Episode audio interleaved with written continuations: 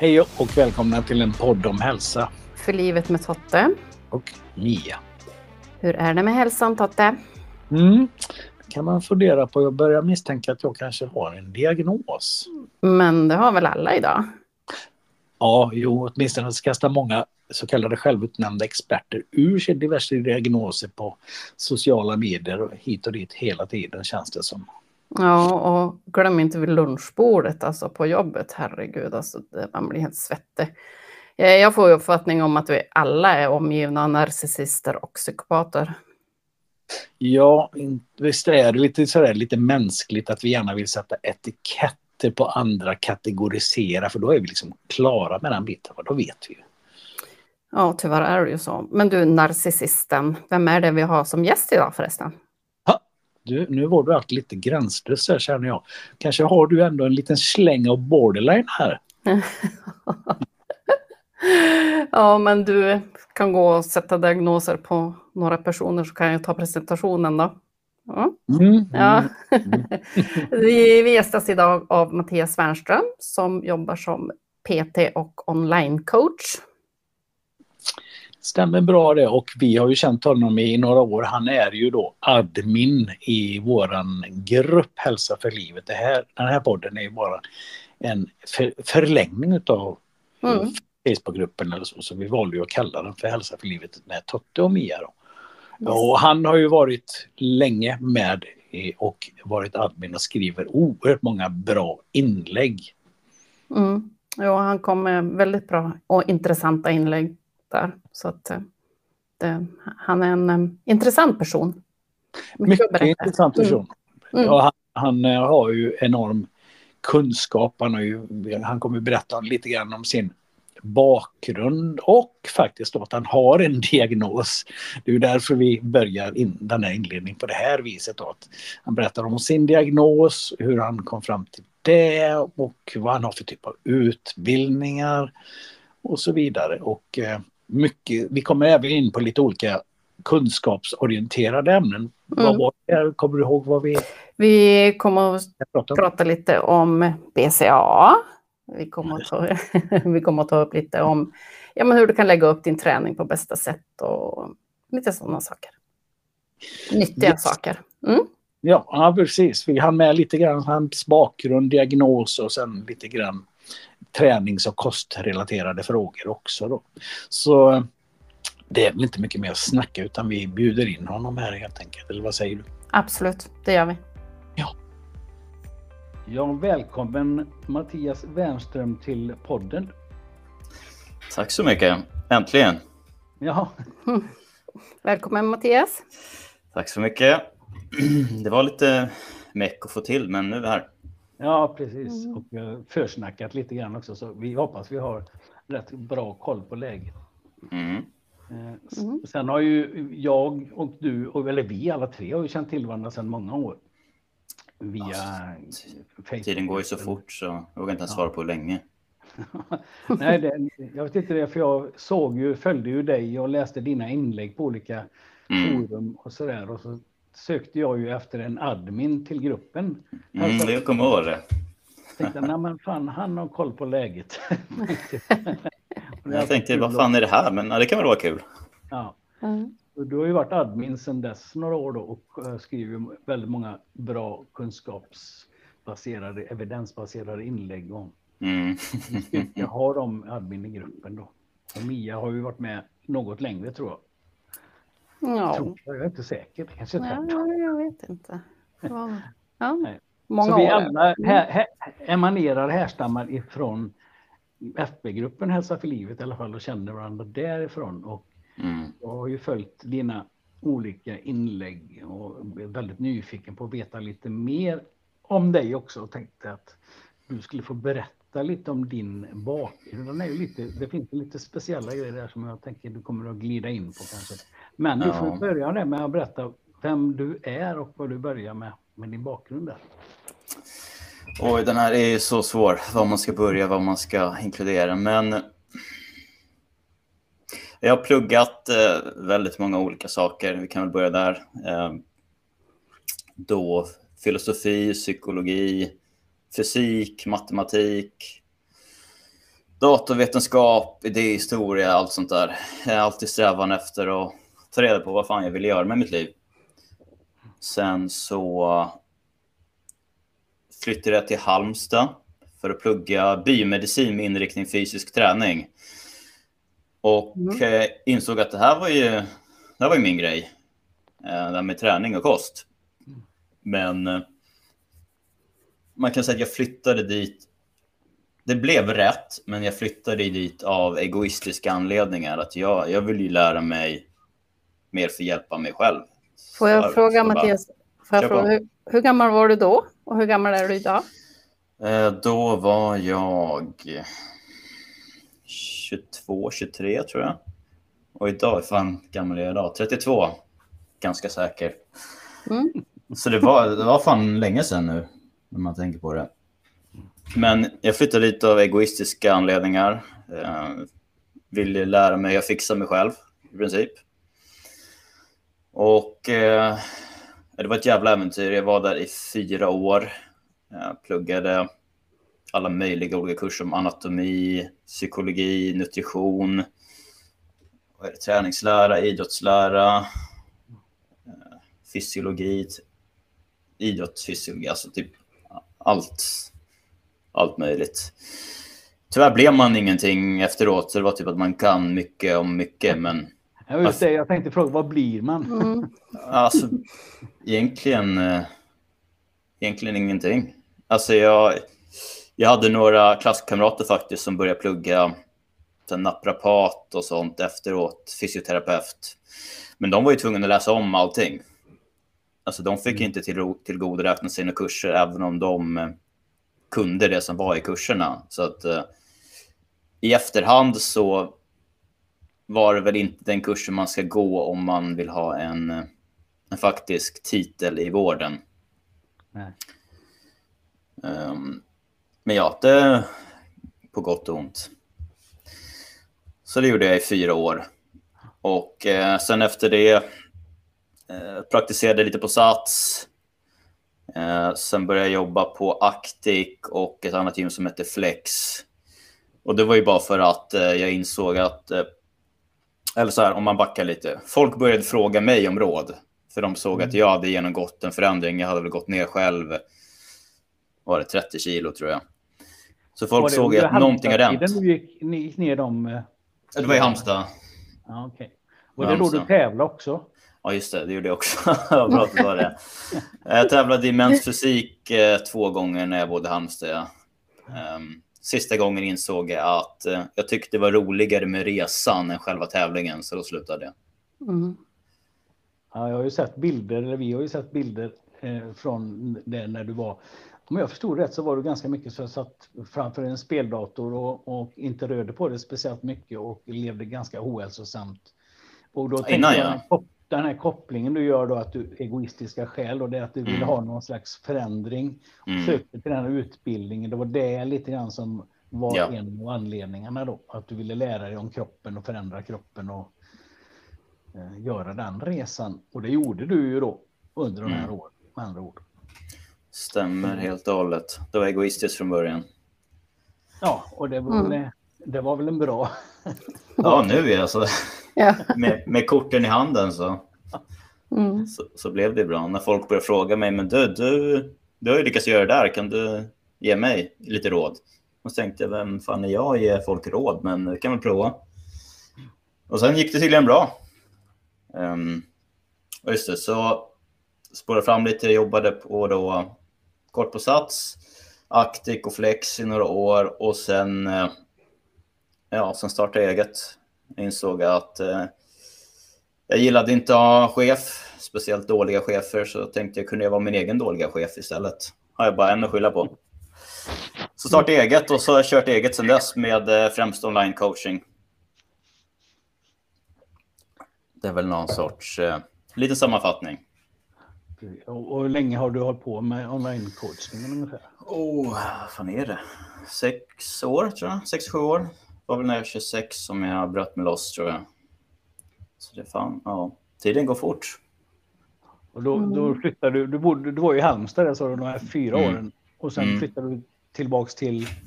det är bra att du petar, ut de här, petar på de här luckorna som jag glömmer.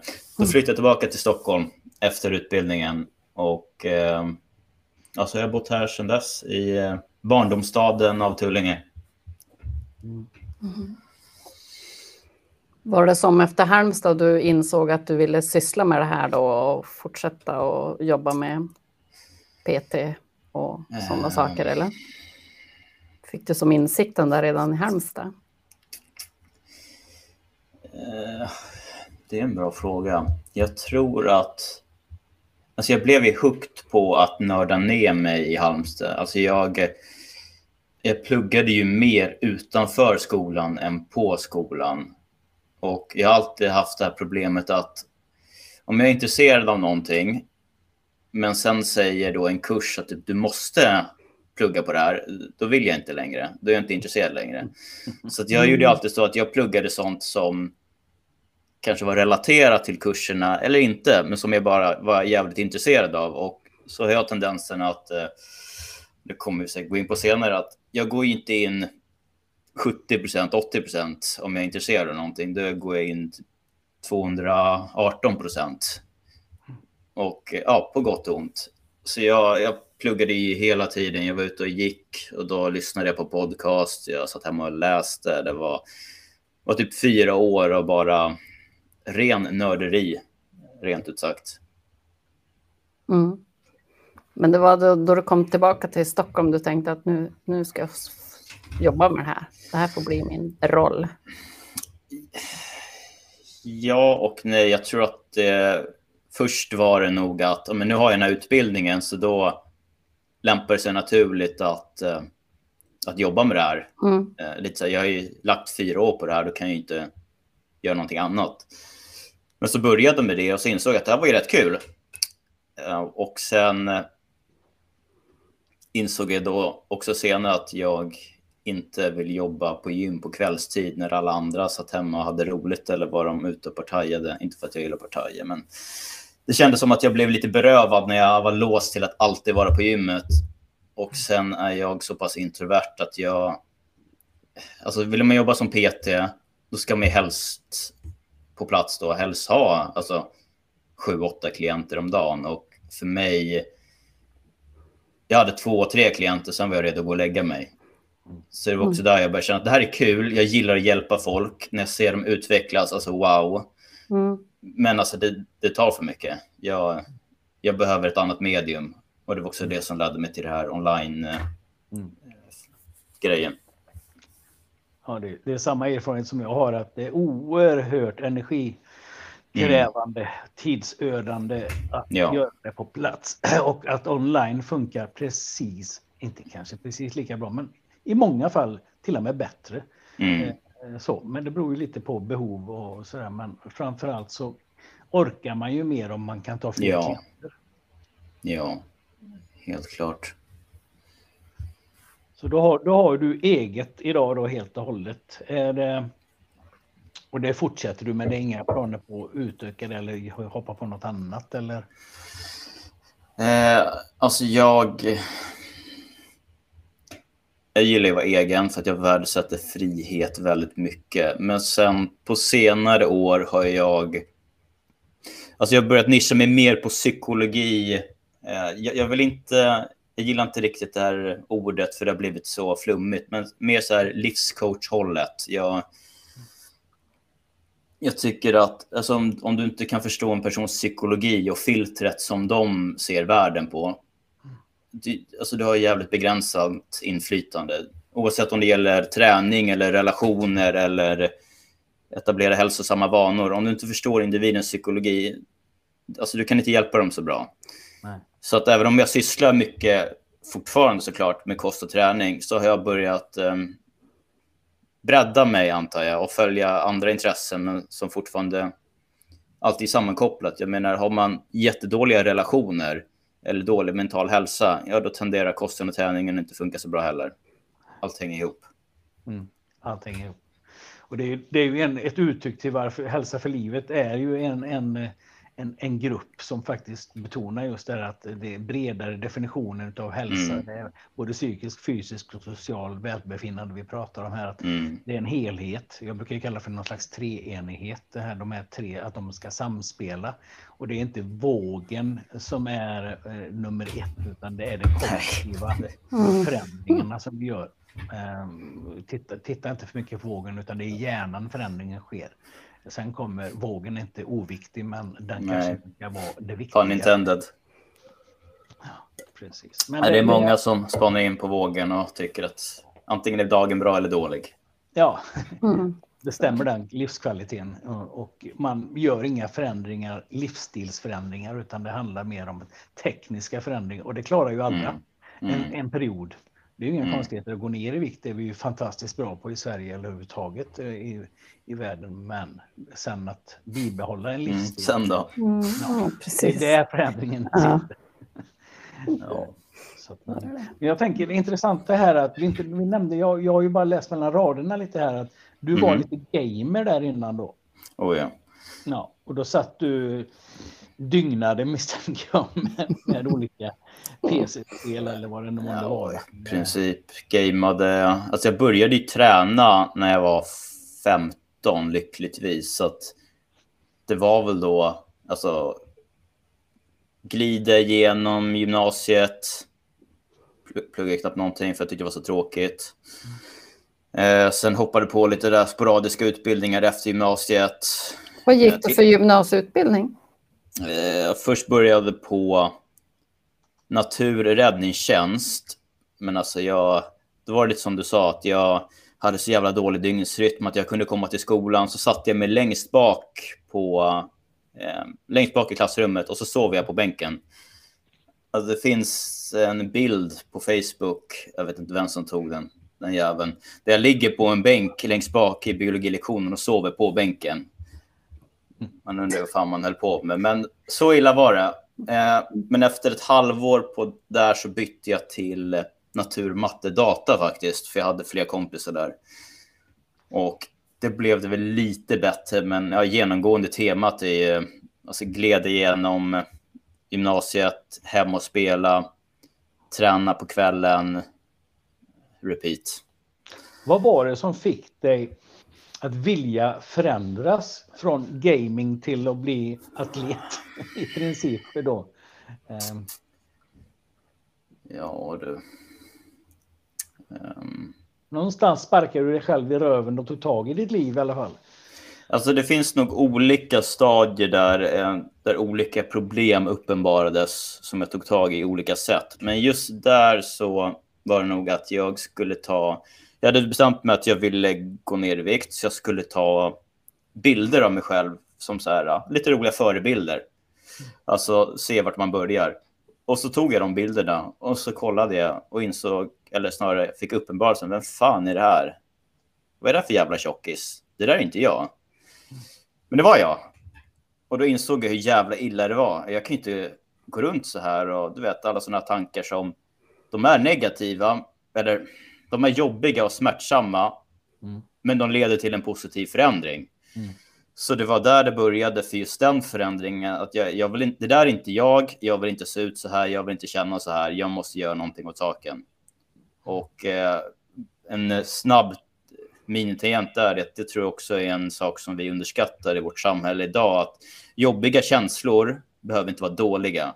För jobbiga känslor kan också leda till positiv förändring och att man tar tag i saker. Mm. Slash moralisk preach. Men ja, det var någonstans där det började min fysiska förändring. Att jag, jag, det där var inte jag, jag vill inte vara så. Och jag gillar inte det jag såg. Jag var äcklad av bilderna. Så du, du var någon slags eh, egen fat-shaming du sysslade ja, med? Ja, men typ.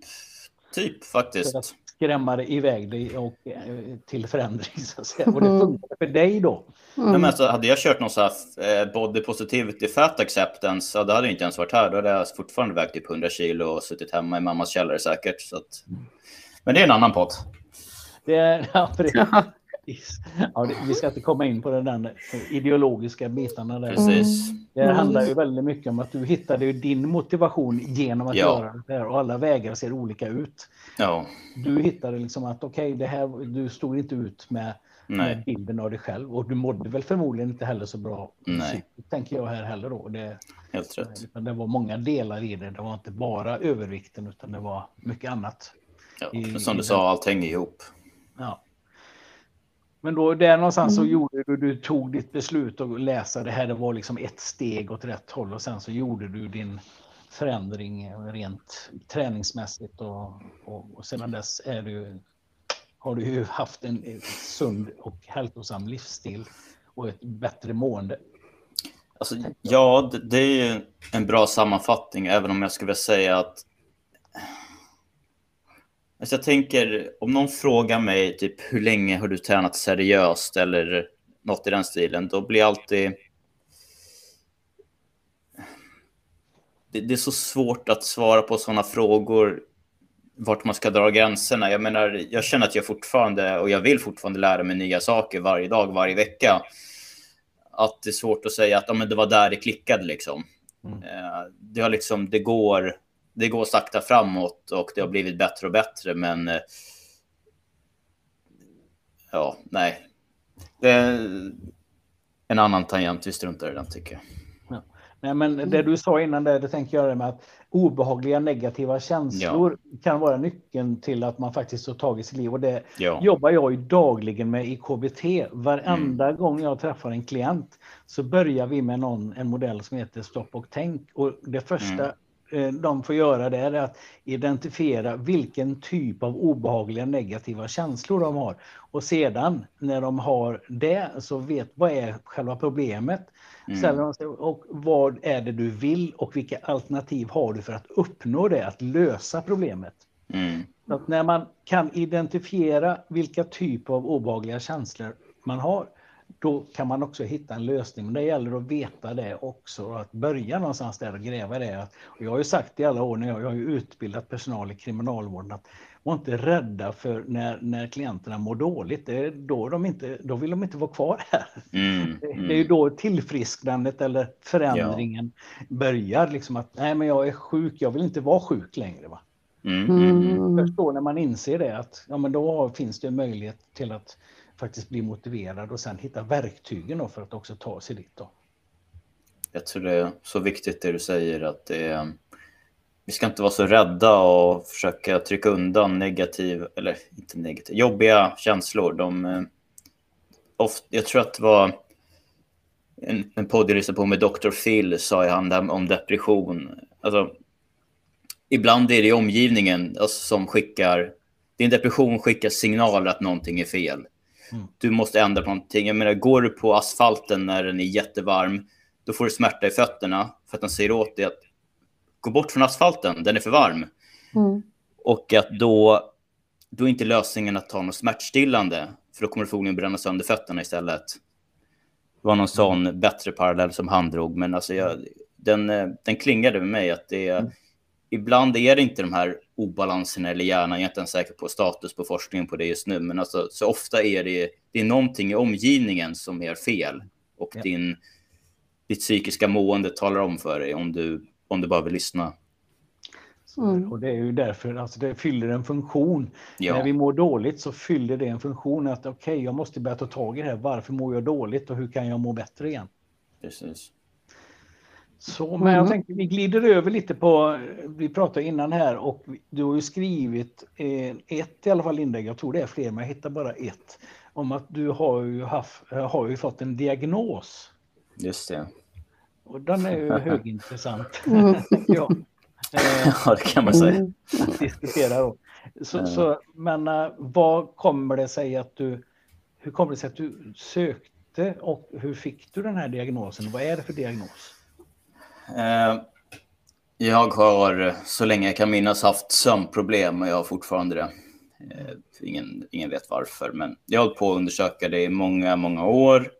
Och sen gled det över till att ja, men det kanske inte är fysiologiskt, det kanske är psykologiskt. Så då började jag göra undersökningar, prata med olika kuratorer och psykologer och tester och allt möjligt skit. Bara för att se om det är någon som kan hitta någonting. Mm. Och eh, då tror jag att jag pratade med eh, någon kurator och så gjorde jag något test för, för ADHD, eh, vad heter det, social fobi, perfektionism och sådana saker. Jag, jag är inte så bekant med hur, hur vetenskapligt allt det där är nu för tiden. Saker ändras. Men, och då hänvisade de mig vidare till um, en riktig psykolog. De tyckte att jag skulle göra en riktig utredning för ADHD och uh, jag kommer inte ihåg om hon misstänkte autism också. Men i alla fall, då träffade jag då en, eh, situationstecken, en riktig psykolog och gjorde IQ-tester och en utvärdering för eh, autism eh, och eh, ADHD. Och då visade det sig att jag hade ADD samt högfunktionell autism. Och det fick jag då reda på när jag var 30 år gammal, vilket... Eh, alltså för mig var det... Det var lite mer så här, jaha, okej. Okay. Min mamma blev inte lika glad för hon... Eh, Eh, hon tyckte att eh, det kunde väl lärare eller dylikt i lågstadiet ha jag vet inte, varnat lite om eller eh, påpekat eller i alla fall talat om. För jag hade lite problem i plugget med saker som, jag tror att det är en del autism också, att när man inte är intresserad av någonting mm. är det nästan omöjligt att fokusera på det. Alltså det, det går nästan inte.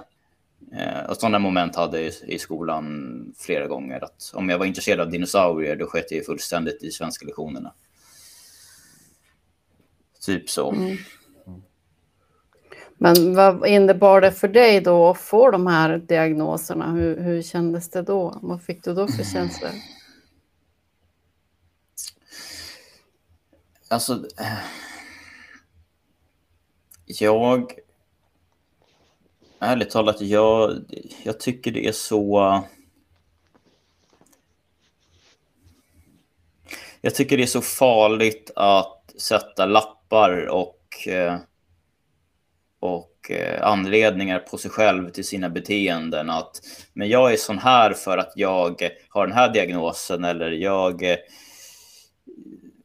att rama in sig i boxar och skylla på situationer och andra personer och diagnoser, varför man inte typ kan sköta sig eller varför man inte kan ta tag i sitt liv. Så det kanske tråkiga svaret är att jag, alltså jag tänker inte ens på att jag då har autism och ADD. Och det var nog också det som reflekterade lite min känsla där i början när jag fick diagnosen, att det var så här, okej, okay, det här förklarar väl lite saker, Eh, men samtidigt så, jag vet inte om det hjälpte så mycket, för att som jag ser det, har man ett problem, då försöker man lösa det, oavsett om man har autism eller inte. Och att då säga att ja, men jag har det här problemet för att jag har autism. Jag jag känner personligen inte att det hjälper mig. Jag tror att det kan skälpa i vissa fall. Um, om det makes sense. Ja, det blir ju som ett typ försvar. Ja, alltså, precis. Och det, det är kanske fel att använda, använda det som ett försvar, för det, det, ja, det gynnar ju inte dig heller. Men sen i personlighet, det är också så här på ett spektrum. Allting är på ett spektrum, så det är svårt att säga vad, vad är nu har jag inget bra exempel, men det är svårt att säga, okej, okay, det där är på grund av autism, det där är på grund av ADD och det där är på grund av någonting annat. Det är så allt går ihop och eh, jag menar bara för att jag har ADD så det betyder inte att jag ska acceptera att jag är tidsoptimist och inte är så bra på att komma i tid. Visst, det kanske hör ihop, eller så har det inte det, men det är ju det är lite mer så problem och karaktärsdrag som man får ta tag i och inte skylla ifrån sig. Ja, men det är väl också bra, för då har du identifierat att okej, okay, nu har jag det här problemet här och då får jag ju tänka lite extra på de bitarna här och ta ansvar Absolut. för det. Det är lite mm. så du kan se det då, eller om jag uppfattar det rätt. Att jag bara inte typ outsourca kontrollen att ja, men jag kan inte kontrollera det här för att jag har den här diagnosen. liksom, fuck that. Jag, jag kan kontrollera om jag vill. Mm. Ja, det skulle kunna leda till någon slags determinism. Då, det är liksom att man, allting är förutbestämt och det är ingen idé att göra något för jag är som jag är. Eh, Medan här istället ser du att okej, okay, jag har ju de här problemen. Eventuellt kan detta bero på min autism mm. eller min ADD. Precis. Men det ja. har ingen praktisk relevans utan jag kan ändå komma i tid och lära mig att komma ja. i tid. Mm. Det har ju, jag tror jag kommer inte ihåg riktigt vad jag skrev i mitt inlägg där, det var ett tag sedan jag skrev det, men att eh, jag beskrev det nog mer som alltså, tendenser. Att jaha, nu kan jag förstå varför jag eh, ibland kan känna för att typ sitta inne en vecka och inte prata med någon. Mm. Och liksom få sådana tendenser att människor är läskiga och jobbiga och det där verkar jätteläskigt och nej, jag vill absolut inte gå till någon fest och sådana saker. Eh, typ eh, som min första podd jag spelade in, då var det så här high alert, bara nej, vadå? Jag ska spela in en podd, nej, det låter jobbigt, läskigt, jag, jag vill inte vara offentlig, da, da, da. Och eh, vi säger då att det är autismen, who knows. Men då var jag tvungen att gå till något annat ställe. Att okej, okay, vill jag vara en person som... Men folk säger att en del av det jag har att säga är användbart. Okej, okay, vill jag då vara den personen som sprider kunskap och budskap? Eller vill jag vara den personen som sitter hemma och bara gamer och eh, slösar bort min tid och talang och kunskap och inte hjälper någon. Oavsett vad det beror på. Nej, det vill jag inte. Så vill jag hjälpa andra? Ja, det vill jag. Okej, då var det bara att masa sig iväg och åka till podden en dag. Mm. Så det, det, är en kamp, det är det ju. Ja. Men man måste ju välja den sorts person man vill bli oavsett om man har en diagnos eller inte. Ja. Mm. Och det kan väl bli många gånger att, att du har kommit förstå, har ju förstått det där att det, det är ju ingenting du vill skylla på. Nej. Utan tvärtom kan det ge vissa insikter om att du har vissa problem och då kan du också lära dig bemöta dem på ett annat sätt. När du har förståelsen för mm. mm. jag, jag kom på ett, eh, ett exempel. Som när jag pluggade senast så pluggade jag psykologi på Södertörns högskola och då hade jag några klasskamrater som hade, hade dyslexi och sånt där. Vilket kanske är en helt annan beast, vad vet jag. Men de kunde ju då ansöka om någon sorts... Eh, jag tror att de fick längre tid på sig för inlämningar och så fick de sitta i separata tentasalar på grund av koncentration och sånt där. Och då fick jag, jag tror jag fick höra min psykolog och eh, skolan att det skulle jag också kunna få om jag ansökte om det. Men jag känner mig själv så pass väl att delvis så vill jag inte ge mig själv den ursäkten. Eh, för att jag tror jag, jag, jag kan klara det utan det. Och sen vill jag inte heller ge mig själv så mycket svängrum, för jag vet att om jag får en vecka till på mig att göra någonting, gissa vad, då kommer jag ta en vecka till på mig att göra det och så kommer det bli, men det kommer bli samma resultat. Jag kommer ändå sitta sista kvällen. Mm. Så det, det, skulle bara bli en ursäkt och eh, jag känner inte att jag behövde det. Jag, jag, kan tvinga mig själv till att prestera ändå. Jag vill inte ge mig själv mer slack än vad, vad jag behöver. Ja, det är intressant att, att höra dig berätta. Jag tänker att det här är ju också en del i den här podden. Det är ju lite grann att visa på att det finns lösningar. Mm. Mm. Och, det, och vad, vad, är det liksom att en diagnos, man är inte sin diagnos utan det här är, det kan skapa en hel del förståelse för hur man kan hantera Jag hoppas det. sina problem då. Eh, så att, nej, men jag tänker, nu har det gått en stund där Mattias, jag tänker, känner mm. du att det är något mer du vill berätta kring bakgrund, utbildning, din diagnos eller ska vi glida över på de andra frågorna eller någonting vi missat som du vill komplettera innan vi går vidare? Um, det enda jag kommer tänka på nu är det som du nämnde nyss är att alltså det, det behöver inte heller vara en diagnos, att vi alla i livet har problem som är så lätta att överrumpla oss och vi hamnar i den här emotionella bubblan att så här är det just nu eller jag jag, jag, känner mig inte arg, jag är arg, jag är deprimerad. Man identifierar sig med känslor, med diagnoser, med livssituationer. Som då, om man inte riktigt kan distansera sig, vilket alltid är lättare sagt än gjort, gör allting så mycket svårare än vad det kan vara om man får lite distans och eh, försöker se det som ett problem som måste lösas och inte, jag kan inte för att. Um, ja, det är typ det jag kom på just nu. Handlar väldigt mycket om att ta ansvar oavsett. Ja, låter inte så sexigt men det finns Nej. inte så mycket annat att välja på. det är ju så, tyvärr. Mm. Ja. Man försöker hitta sexiga lösningar. Men... Mm. jag, har let, jag har letat men jag har inte hittat några ännu. Det säljer inte så bra. Nej. Ja, lysande. Mm. Men vad fan, då tycker jag vi kör över. Vad är första frågan där, Maria, som vi tänkte ta upp idag? Ja, jag tänkte vi skulle diskutera lite BCA kanske. Vad är ja. det för något? Nej, varför ska du inte köpa BCA? Vi börjar där. Ja. Vi börjar stenhårt. Yes. Eller, ja, ja okej. Okay. Um, ehm, varför inte ska be, köpa BCA för mm. att det... Uh, det funkar inte som du tror att det funkar. Du tror att du ska bygga mer muskler eller whatever som Aftonbladet har sagt till dig och det stämmer inte. Det finns ingen evidens. Du blir lurad. Så mm. därför ska du inte köpa BCA. Det är trams. Det är trams. Och du sa innan vi pratade här att det är, det är, bara, vad ska man göra om man har råkat få en burk? Det är att man Just det. Mm. Om, du har, om du har en burk hemma, tar fram den, du går till köket, skruvar av locket, det luktar lite på det. Sen öppnar du köksskåpet och har soporna och så häller ner du soporna. Och sen är du klar. Ja. Boom. Då har vi egentligen klarat av den frågan, för det räcker ju. Ja. Det, det, är värdelöst i syfte, för det syfte de påstår att det är. Sen kan vi ju kanske gå in på frågan vad är BCA? Vad står själva ordet för? Mm. Mm. Ja, BCA står, nu är inte jag någon expert i det här, men jag har skrivit lite om det. BCA står ju då för branch, Branched Chained Aminoacid som då är tre aminosyror som är leucin, valin och isoleucin, om jag minns rätt. Och de är då tre av de aminosyror som är essentiella, vilket betyder att kroppen inte kan tillverka dem själv. Vilket betyder att du måste få i dig via maten. Och eh, då kan det då låta som att ja, men då måste vi ta BCA.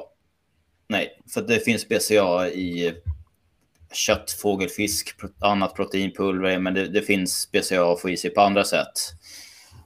Uh, och uh, du Totte, du hade ju någon, någon uh, legomodell där, eller hur var det? Ja, för jag vet att det är Abelsson som vet jag har skrivit någon, någon sån som jag tyckte den var så klockren. Det var ju, man, han jämför BCA med lego. Mm. Så har du, du har en legobyggsats och så är det nio bitar. Mm. mm. Eh, och om du bara har tre bitar då, så kommer den inte vara lika fin som bilden på kartongen om du bara använder tre av klossarna. Va? Mm. det är, BCA är ju, man säger att det finns ju nio essentiella aminosyror. Precis. Och då är ju de här tre grenade BCA och brain chain amino acids. Då, mm. de, de tillhör de här tre eller Precis. nio inkluderas ju de essentiella, alltså sånt som vi inte kan tillverka själva. Då. Mm. Eh, och man kan ju säga att det är som ett bord utan alla ben ungefär, för alla benen behövs inte för bordet är så stadigt. Mm. Eh, och det räcker inte bara med BCA utan du måste ha alla de här essentiella aminosyrorna för det ska bli någon fjutt på det. Mm.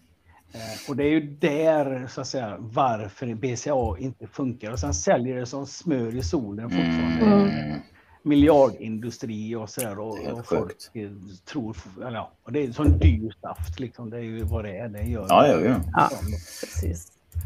Ja. Eh, jag, jag, jag skrev ju jag skrev en längre artikel om BCA för Smarter Fitness för den som vill dyka in lite om, om myten och sånt där. Mm.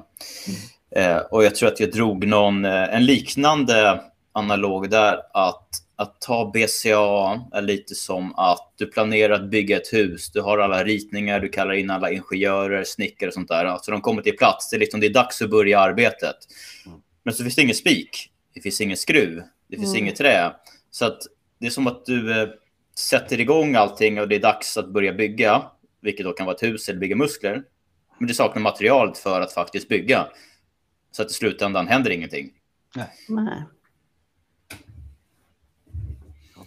Ja, och vi, mm. vi, har ju skrivit, jag tror att i, i gruppen Hälsa för livet, så för fyra, fem år sedan så tror jag jag skrev fem, sex inlägg och du skrev och ja, flera av oss som skrev just det här att och folk blir ju kränkta nästan. Mm. När man, mm. får ju sånt känslopåslag när man säger... Det funkar för mig Totte din jävel.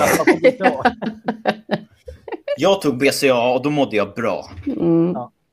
Det anekdotiska där, jo men det funkar för mig. Ja, det, det är det bästa, det bästa argumentet. Ja. Då är det bara, det funkar inte. Det visar alla studier, all forskning att BCA i sig själv, de här tre grenade aminosyrorna utan de övriga eh, sju då blir det då essentiella, kommer inte göra någonting för din muskeltillväxt. Här. Alltså, så... om, jag ska, om jag ska bara göra någon sorts liten typ Steelman av det så att alltså om man är vegetarian så kan det ju vara bra att tillsätta essentiella aminosyror, vilket då kan vara BCA. Men då kan du lika gärna ta EA som innehåller då alla nio istället för de tre. Eller, nu vet jag inte, om vassleprotein kanske man inte vill ta när man är vegetarian, men alltså det finns typ inget, ja, inget kontext. Vadå? Sojaprotein kan du ju ta då. Ja, just det. Men det finns liksom typ ingen kontext där BCA är det bästa valet eller ens mm ett bra val. Så att, eh, ja, nej, det, det, är mer ideologi och känslor där än någon sorts vetenskap tyvärr ändå är det sån jävla stor marknad. Ja, men det, det, är ju så, ju fler saker gånger någonting upprepas så blir det som en sanning. Och sen säljer du, varför säljer det så mycket då? Det. Eh, det är därför forskningen har i över 10-15 år nu vetat om att, och de flesta som är seriösa i det här som vi är i branschen vet att det här är ett värdelöst tillskott. Eh, i sig själv. Ja, men det, Då är det, e, e, ja. EAA eh, som är, är, innehåller alla de nio aminosyrorna som också är väldigt mm. kalorisnålt då. Mm. Om man nu vill ha det kalorisnåla. Sen är ju vassle eller sojaprotein då om man nu ska ha någon, något tillskott det allra bästa av alla. Alltså, jag, jag, tar, jag tar aldrig ens EAA för jag, jag tar bara vassle. Det, det är typ billigare, att det är inte mycket kalorier. Det är så här, Ja. Det är inte det heller. Det är inte mycket, men, men en del är ju så nojiga över, över det här. Så. ja, ja, låt dem. Har, har du tagit eh, BCA förr om åren, eh, Maria? Eller? Mm, nej, inte BCA. EAA har jag tagit, men inte BCA. Jag har tagit BCA. Jag blev lurad. Jajamän, jag körde på det. Jag var helt uppfylld. Ja, men det var fan gott, men det är inte så mycket mer än så. Och dyrt. Gott, gott och dyrt. Det är ju saft som du sa. Det är ju saft, ja. Ja, men då har vi fall, då är vi klara med den. Nu en gång för alla, fast det kommer ja. aldrig att sluta den här debatten. Ja. ja. Var det någon mer där? Var det någon mer fråga, Maria? Mm. Nu tar vi nästa. Hur ofta ska du träna? Oj, hur långt är ett snöre? Ja. Ja, fråga? Första frågan är liksom eh, för vad? Det är alltid för vad? Och då blir svaret det beror på. För vad? Mm. så att om vi inte vill smala om den frågan så finns det inte så mycket att svara på. Ja. Nej, Tyvärr. Du kan, du kan, formulera om frågan där. Tänk, jag tänker att du har en sån där, jag tänker hierarkin för muskeltillväxt. Om man nu hänger på den mm. i detta hur ofta man ska träna. Mm. Hur kan de första åren se ut mm. där? Eh, hänger ni med på vad jag menar där? Oj, ursäkta. Utvecklingen så att säga rent eh, för muskler. Ja. Eh, alltså som jag ser det, intensitet är ju då... Alltså det pågår ju fortfarande forskning på eh, på frekvens och hur ofta man ska träna och vad som kanske är lite bättre och sånt där. Men eh, oftast är ju frekvens då hur ofta man ska träna en eh, funktion av hur eh, mycket man tränar varje gång och hur hårt man tränar varje gång. Eh, jag, ibland kan jag få höra, ja men du kan inte träna samma muskelgrupp två gånger eller två dagar i rad. Och då blir min fråga, varför inte? Du vet väl inte hur mycket jag körde? Jag kanske körde ett set igår. Det är du ingen aning om. Exakt. Mm. Inte för att jag låter sådär dryg då, men alltså det, det, är bara för att visa att det beror på. Körde jag 20 set raka marklyft igår, delvis kommer jag vara på sjukhuset idag, men då kanske jag inte ska köra eh, good mornings imorgon. Men körde jag ett set underarmar igår, alltså det, det, är inga som helst problem för mig att köra underarmar idag igen. Så att det beror på delvis hur många set man kör. Och sen beror det på hur nära varje set man, eller hur nära failure man tar varje set. Och sen också hur stark man är. Så att det är liksom komponenter som man inte kommer från när man ska svara på hur ofta man kan eller bör träna. Jag vet inte om det var någorlunda svar på frågan. Ja, alltså det jag med, tänker också på det som jag har skrivit om flera gånger själv och du också är inne på något i något inlägg du gör. Eh, det är ju det här med om man tänker när har du nått ditt tak? Mm. Liksom, hur många år tar det? Man säger den inledande åren, mellanåren och sen när du liksom är klar på något sätt. För det är som jag brukar ta den här liknelsen med Stefan Holm. Mm. Ja, han, han gjorde säkert väldiga skutt i, i, i, i början där, liksom hoppade, liksom, tog centimeter på centimeter på centimeter ganska snabbt. Sen når man ju en viss nivå i sin träning där själva utvecklingen stannar av. Och det handlar om tusendelar mm. av tillväxt, eh, av muskeltillväxt. Och Holm han nådde ju sitt, jag kommer inte ihåg, det var 2,40 han det är helt, helt sjukt. Det spelar ingen roll hur mycket han tränar efter det. Han kommer inte att hoppa 2,50. Han har nått sitt genetiska mm. tak. Liksom. Vi har ju alla någon slags genetisk tak. Mm. Eh, där. Mm. Och då brukar man ju säga ibland lite sådär olika generellt. Hur lång tid tar det om man mm. tränar mm. styrketräning innan man når sitt tak och hur ser den kurvan ut, liksom, mm. där, träningskurvan, där mm. hierarkin där. Det var det jag var inne lite. Hänger du med på vad jag menar här? Tänker du... Uh, mm, om du menar... Första den här... åren, liksom då, hur, hur ser det ut? Uh... Du menar... Um, vad var Fan, jag glömmer... Jag skriver så jävla mycket skit att jag glömmer bort vad jag skrivit. uh, du menar det här med att att man måste... Teknik. Ja. Teknik, ansträngning, mind, muscle connection. Just det, mm. den skiten ja. Eh, ja, alltså det... vi kan kanske cirkla tillbaka till frekvensen, för jag tror att folk vill ha lite nummer. Men eh, alltså när man lär sig då styrketräna så är det så viktigt att man inte sätter vagnen före hästen jag ser så många som går till gymmet, ja, främst unga killar då, surprise, surprise, som typ lägger sig och ska bänka så tungt de kan. Och det, alltså man får ju mardrömmar och se vad fan de håller på med. Men om man då ska göra det på ett vetenskapligt, vettigt, logiskt sätt, så det första man ska göra är att lära sig korrekt teknik. Alltså det... Om du ska bänka totalt en miljon repetitioner av bänkpress under din karriär, då är det rätt bra om de miljoner repsen är effektiva och inte gör dig skadad. Så att alltså teknik, teknik, teknik. En, en, nu måste jag komma med en fråga. Om vi säger att det är någon nybörjare som lyssnar på det här nu. Hur mm. ska jag skaffa mig rätt teknik då? Eh, alltså, den där är ju lite lurig för vi har ingen riktig kvalitetskontroll på tränare och sånt i Sverige idag. Men jag tänkte om du går in på ett gym, jag menar, kan jag be mm. att få hjälp? Kan jag kolla med någon PT eller hur ska jag kolla YouTube eller? Alltså i, det är lite det jag syftar på att det finns, alltså det finns jättebra källor. Men mm. oftast när man är i tidiga stadier så är det svårt att skilja på vad är bra källor mm. och vad är dåliga Ja, men den där stora killen där, han vet säkert hur man gör när i själva verket har han bara saker i gröten och valde rätt mamma och pappa. Eh, så att någonstans måste man ju, jag skulle anlitat en tränare absolut, men först mm. hade jag nog hört mig lite för med andra, liksom, är det här en vettig person? Eh, har de hjälpt andra, kanske liknande situation som jag är i nu? Och alltså det är ingen lätt position att vara i, mm. tyvärr, för det är så svårt att filtrera. Mm. Men eh, alla fall, då är ju... Alltså teknik måste komma först. Mm. Det är det viktigaste. Och sen då när man väl har etablerat tekniken, vilket också, alltså det, det är någonting man jobbar på hela livet. Men man kan ha en tillräckligt bra teknik där man inte har onödig skaderisk i alla fall.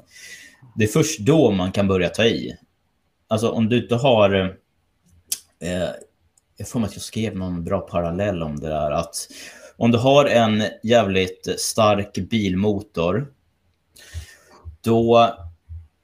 Om du inte har fixat tekniken och du börjar ta i som fan för kung och fosterland. Det är lite som att du inte har skruvat fast motorn. Alltså skruvarna sitter inte ens på plats. Om du då börjar rampa upp motorn, den kommer typ lossna. Den kommer ramla ur bilen och sen exploderar allting och jorden går under. Kanske inte riktigt så, men alltså det, den måste vara på plats innan du kan dra på. Du kan inte trimma bilen innan du har, eh, okay, nu vet jag inte så mycket om bilar, men så där följer den. Men du måste se till att allting sitter på plats innan du börjar dra på. För ska du köra 100 kilo bänkpress eller 200 kilo marklyft, alltså har du inte bra teknik då och du tar i jättemycket, alltså det kommer gå åt helvete. Du kommer bli skadad. Jag har gjort det själv, jag vet jättemånga som har gjort det. När man tummar på tekniken, det är då skit händer. Mm. Skadorna kommer som ja. på den ja. posten där. Så, ja, så då punkt ett då är teknik. När du har teknik, då kan du börja eh, fila på, okej, okay, hur hårt kan jag pressa mig med bra teknik? Det är nummer två, ansträngning. Och sen punkt nummer tre, vilket kommer, alltså det kommer sent för de allra flesta, kanske fem till tio år in i din träningskarriär. Då kan du börja tänka på mind muscle. Om du vill bygga muskler såklart. Det, det är det vi pratar om här. Att då kan du, okej, okay, jag har bra teknik. Okej, okay, jag är bra på att anstränga mig och ta ut mig. Nummer tre, känner jag faktiskt av musklerna som jag tränar? Om jag tränar biceps, känner jag av biceps? Får jag lite pump i biceps? Kanske jag till och med får lite träningsverk. Eh, så jag kände att det blev lite det blev lite luddigt här, men ett är teknik, två är ansträngning och tre är mind muscle. Det är liksom sekvensen och hierarkin som man bör följa om man vill åstadkomma långsiktig muskeltillväxt. Och att och då blanda ihop det om, och inte gå på ett, den 1, 2, 3, det, det brukar inte bli bra min erfarenhet. Nej, men det är jättebra eh, tycker jag just det här med att jag har ju sett det också många gånger som du säger, man ser unga killar som ska marklyfta 200 kilo. alltså, jag, jag har ju rusat fram en enda gång för jag klarar inte av att se det. Bara, grabbar, är det så att ni vill ha lite hjälp så är jag här. Gubbjävel, gå härifrån. Nej, jag har faktiskt aldrig fått den reaktionen. Mm. För jag har ju stora biceps så det brukar alltid... det är fördel. Fördelar. De tänker, ja, han kanske vet vad ja. Ja, men då lyssnar de. Ja, lite så är det. Mm. Men, och det jag tänker också i samband med det här är ju att jag kallar ju min träning för underhållsträning, att förvalta. Mm. Jag kan inte, jag har nått mitt tak. Så att jag mm. kan nästan se det som att i början av första året när man tränar så behöver man inte träna så mycket. Det räcker ju mm. att man går in och sniffar på gymmet och byter om så får du muskler mm, i början. För du har ju liksom, du har ju sån otrolig utvecklingspotential i början. Du är på mm. noll och du ska nå, liksom, du ska mm. hitta muskeltillväxt och styrka och då går det fort det första året, två åren. Men sen så kommer det en period där två, tre år, då mm. börjar du fan, börjar bli riktigt här. Om du är seriös, om du tränar kontinu, kontinuerligt, kontinuerligt håller mm. i ta, har det här med ansträngning, teknik, mind muscle mm. och sen kör på och tänker mycket på kosten och får i dig rätt saker. Så mm. kör du kanske några år till så någonstans brukar man ju räkna med efter fem, sex, sju år mm. i optimala fall så har du kanske nått din potential där då. Om man kör mm. eh, och då har ju, och det där jag har ju hållit på snart i 30 år så att jag känner ju mer att jag kan ju inte liksom få mer massa, och nu är jag ju 60 år snart, så att mm. jag, jag, får ju, jag liksom bara underhåller och det är ganska enkelt. Det behövs väldigt liten mängd träning för att bara behålla. Mm. Mm, det är sant. Det, är sant. det, tar, eh, det behövs inte mycket i början för att få. Man behöver inte lägga ner stor tid på mm. det, eller mycket tid. Mm. Eh, sedan kommer en period där man behöver lägga ner mycket tid. Eh, för att utvecklas. Eh, för, sen går det långsammare och långsammare. Muskelmassan min, eh, blir mindre och mindre för varje år. Eller mm. så att du ökar i muskelmassa mindre för varje år. Och sen till slut handlar det om tusendelar. Och det är ju då många känner att fan, det här händer ju ingenting. Nu tar jag lite steroider här. För det. Mm. Vilket jag aldrig ens tänkt tanken om. Men det kan man ju förstå lockelsen då, för att någonstans där är det ju då att, ja men du, vad ska vi göra? Mm. Man har sitt, sitt genetiska tak. Mm. Ska det hända någonting så måste man göra någonting som inte är tillåtet, förmodligen. Då. Visst, man kan äta och bli lite eh, större så att säga i kroppen och nå kanske. Och sen är det ju 50 procent av det här är ju gener också, Mattias. Mm, ja, minst. Det glömmer man ju oftast så här av i det här ja, ja, ja. Folk säger varför händer inget? Ja, det är faktiskt inte rättvist här utan det handlar en del om... Livet är inte rättvist, surprise. surprise. Men däremot kan ju alla relativt öka otroligt i muskelmassa eller mm. i styrka. Mm. Så relativt sett så kan, kommer alla att öka, men alla kommer inte få en Arnold-kropp. Jag, jag, tyckte, jag skulle bara flika in att jag tyckte det var bra det här, att du la till att första tiden när man tränar, alltså man behöver inte anstränga sig så mycket. Man liksom, eh, det är också det som är så fördelaktigt med den här första då, teknikfasen. Mm. Att du kommer få res resultat i både styrka och muskeltillväxt genom att öva teknik. Mm. Det borde jag ha nämnt, men det är det som är så fint. Att genom att fokusera på teknik, vi kommer gynna dig som fasen senare, mm. så kommer du samtidigt att bli större och starkare. För att din kropp är så ovan vid träning att du behöver inte träna hårt. Och sen då när du har etablerat teknik, ja men då kanske det också börjar bli dags för dig att när du faktiskt kan träna hårdare för att du har tekniken, ja men det kanske då också det blir dags för att du faktiskt behöver börja träna hårdare. Så att det där, eh, det flyter ihop eh, väldigt vackert. Mm. mm. Det gör det och det, det är just det som jag kan tycka kan vara den stora utmaningen för många. Det är ju att lära sig att ta i ordentligt. Mm. Att utmana muskeln ordentligt. Inte till total failure, men ändå många ger upp kanske har sju reps kvar i tanken och tycker mm. att ja, men det är bra. Och då kör man på samma, i samma comfort zone i många år och det händer ingenting. Därför mm. är också idén att mellan varven kanske anlita en coach när man når mm. vissa platåer också. Då. Mm. Ja, ja det, det är många som, som bara snurrar, tyvärr. Ja.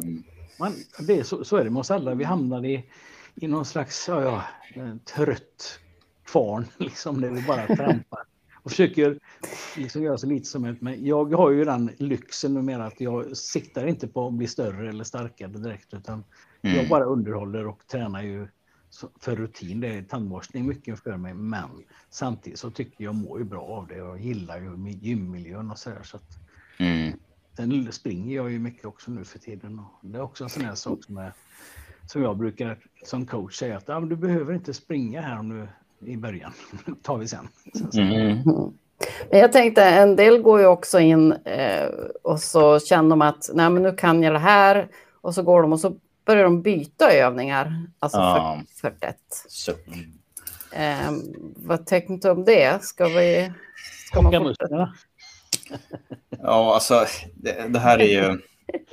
Det här är också lite komplicerat. Um, surprise, det mesta är komplicerat.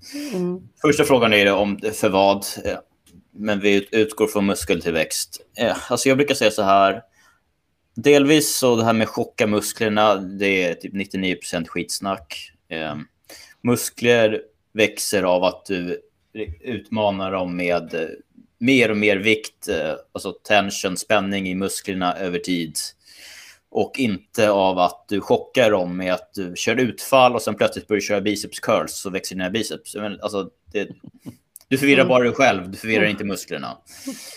Eh, så att, det är sexigt, det säljer. Ja, jo, jo men det, det, är så jävla korkat. Jag brukar säga som extrem, men vill du bli bra på att eh, köra bil, ja, då börjar du inte cykla varannan vecka eller åka båt. Jag menar, då, då åker du bil. Du mm. måste mm. göra det du vill bra, bli bra på.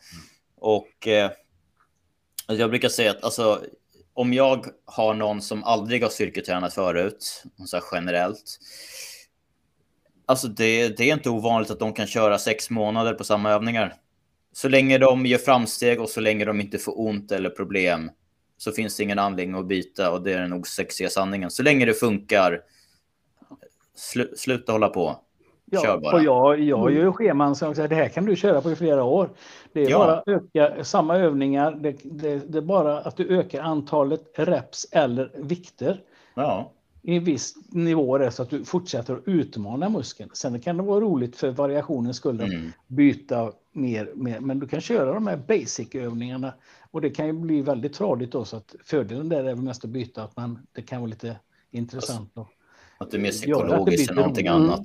Ja, det är väl mer det. Så, så det handlar ju inte om variationen, att den i Nej. sig på något sätt hjälper det, utan det är mer, den hjälper det inspirationsmässigt. Men det, det, det är specificitetsprincipen som gäller här. Att, ja, ska du bli bra på någonting, då ska du tra, träna på just det.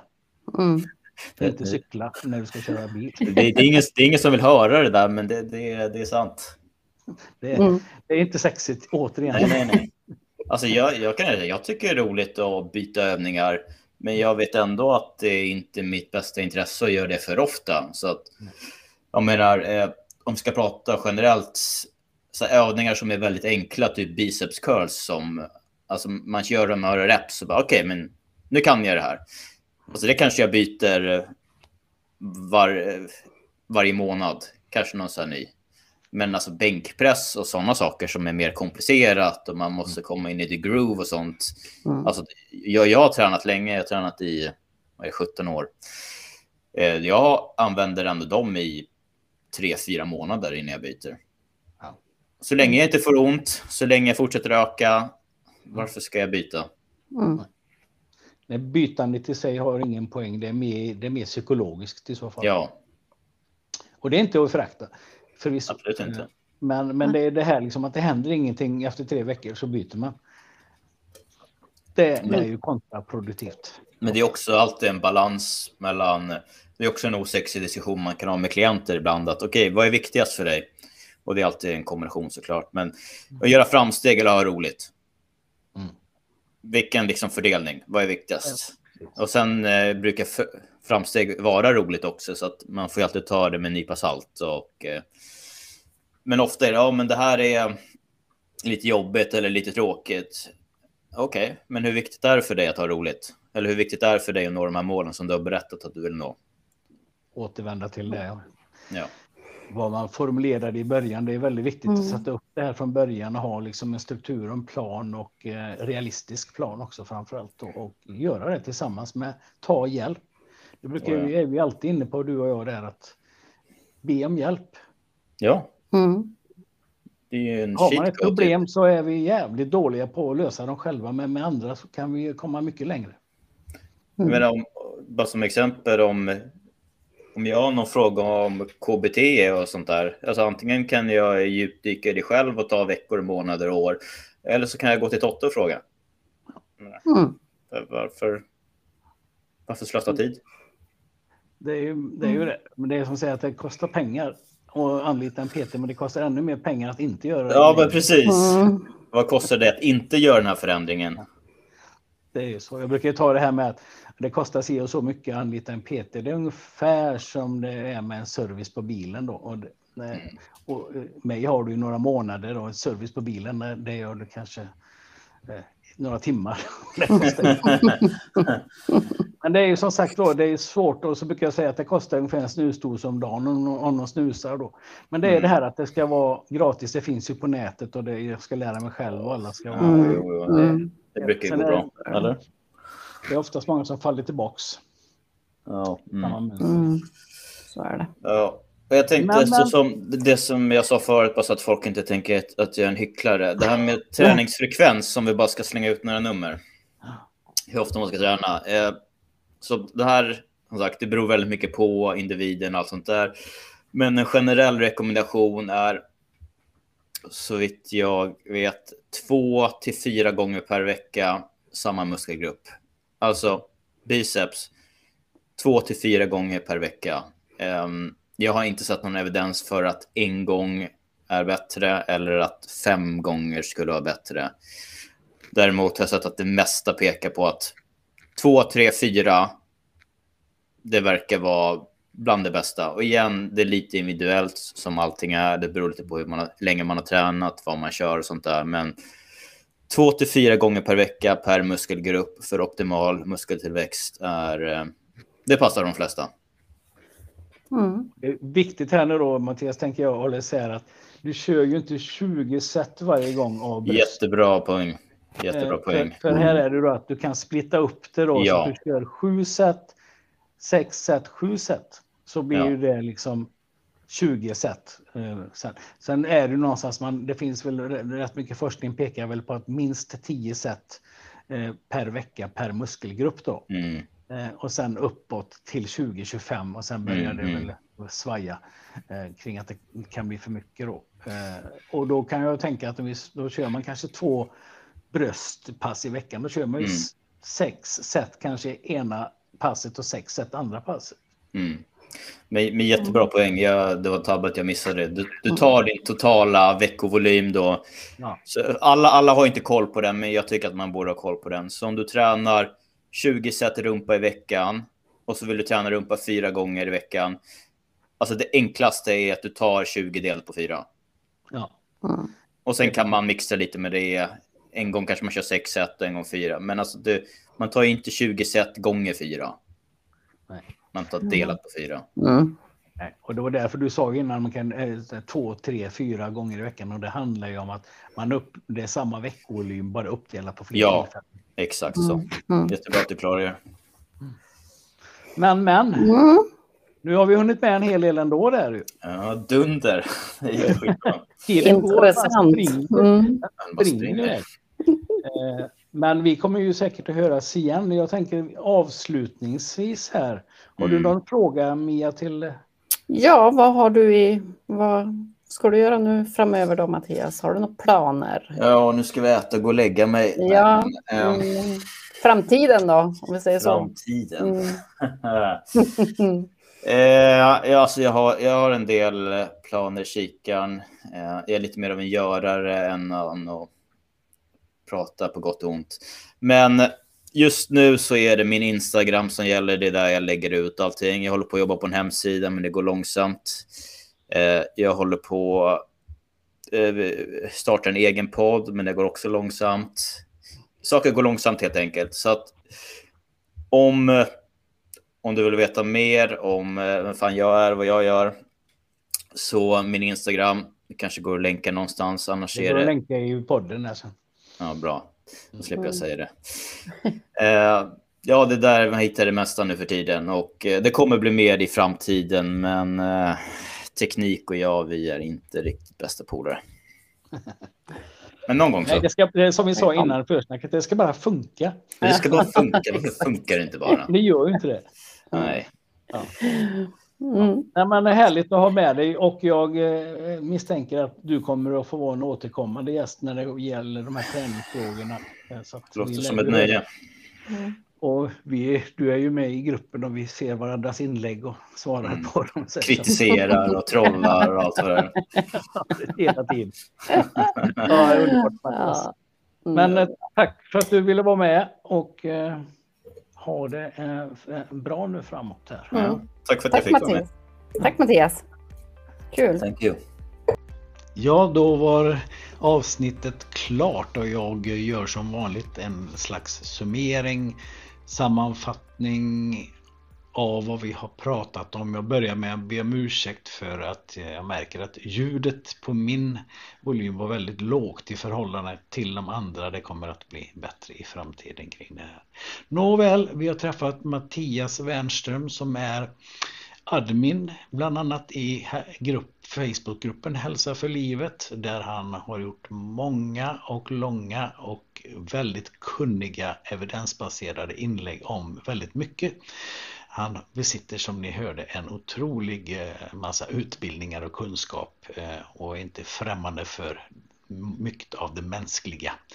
Eh, han är en nyfiken själ och det märkte vi verkligen. Vi fick höra hans bakgrund om hur han vände på sitt liv från gamer till att ta tag i sitt liv och börja utbilda sig och ta ansvar för sitt liv och eh, hans resa fram till idag kan man väl säga. Och eh, också mycket intressant att ta del av hans eh, reflektioner kring diagnoser och sin egen diagnos framför allt. Att han inte ser det som att det spelar så stor roll. Han är ju inte sin diagnos. Han har en diagnos.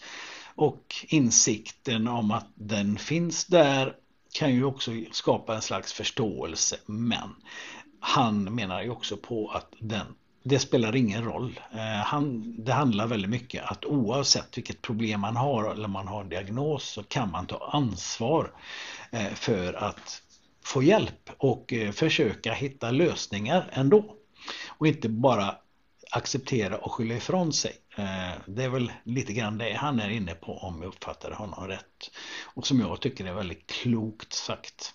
Att det är så här, nu är det så här och vad gör jag det bästa utav situationen. Han är uppenbart eh, oerhört intelligent eh, och eh, det kan ju vara ett problem med hans rastlösa hjärna som inte låter honom få sova ordentligt heller. Nåväl, sedan glider vi sakta in på ett högkänsligt ämne som vi i Facebookgruppen Hälsa för livet för, jag tror det var 5-6 år sedan där vi eh, skrev eh, ett inlägg i veckan nästan om den här eh, BCAA-tillskottet. Alltså de tre grenade aminosyrorna. Det finns ju då nio essentiella aminosyror och tre utav dessa är grenade och det är BCAA. Då. Och jag ska inte gå in i detaljerna, det har ni i avsnittet där. Men vi tar ju lite olika pedagogiska jämförelser, liknelser där. Och eh, jag, tar ju, jag brukar även ta den här med spisen, att jag sätter på spisplattan. Och sen är inte strömmen påkopplad. Ungefär samma effekt har BCAA för muskeltillväxten.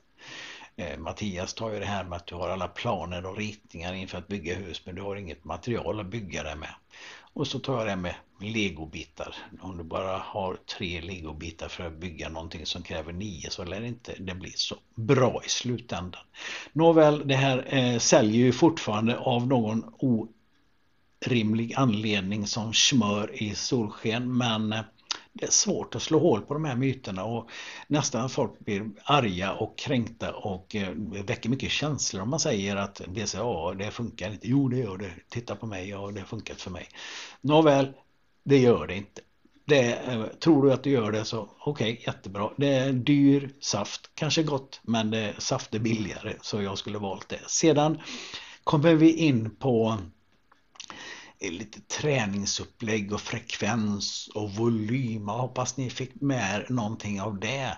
Eh, också att vi har ett genetiskt tak och eh, beroende på hur hårt man tränar och sköter sin kost sådär, så, så pratar jag sista också om det genetiska faktorn. Att ja, vi, det är väldigt mycket gener inblandat i träningen och vilka resultat vi får. Kanske inte alltid är roligt att höra så att har man dåliga gener, det är som det är. Det går inte att göra någonting åt den biten. Men alla kan vi relativt sett bli mycket starkare och få mer muskler än vad vi har från början. Men alla kan inte få enormt svällande biceps kanske oavsett hur mycket du tränar. Ja, eh, det var ju allt för den här gången. Jag tyckte jag har summerat ihop det någorlunda. Mycket intressant samtal. Eh, roligt att prata med Mattias och lära känna honom lite mer på djupet. Så. Eh, och vi kommer ha med honom igen, givetvis. Med all den kunskap han besitter så kommer han vara en resurs för den här podden. Nåväl, allt för idag. Vi kommer ha mer gäster och olika typer av gäster vi fångar in det mesta i det här hälsoparaplyet. Så ha det så gott tills ni lyssnar på oss igen.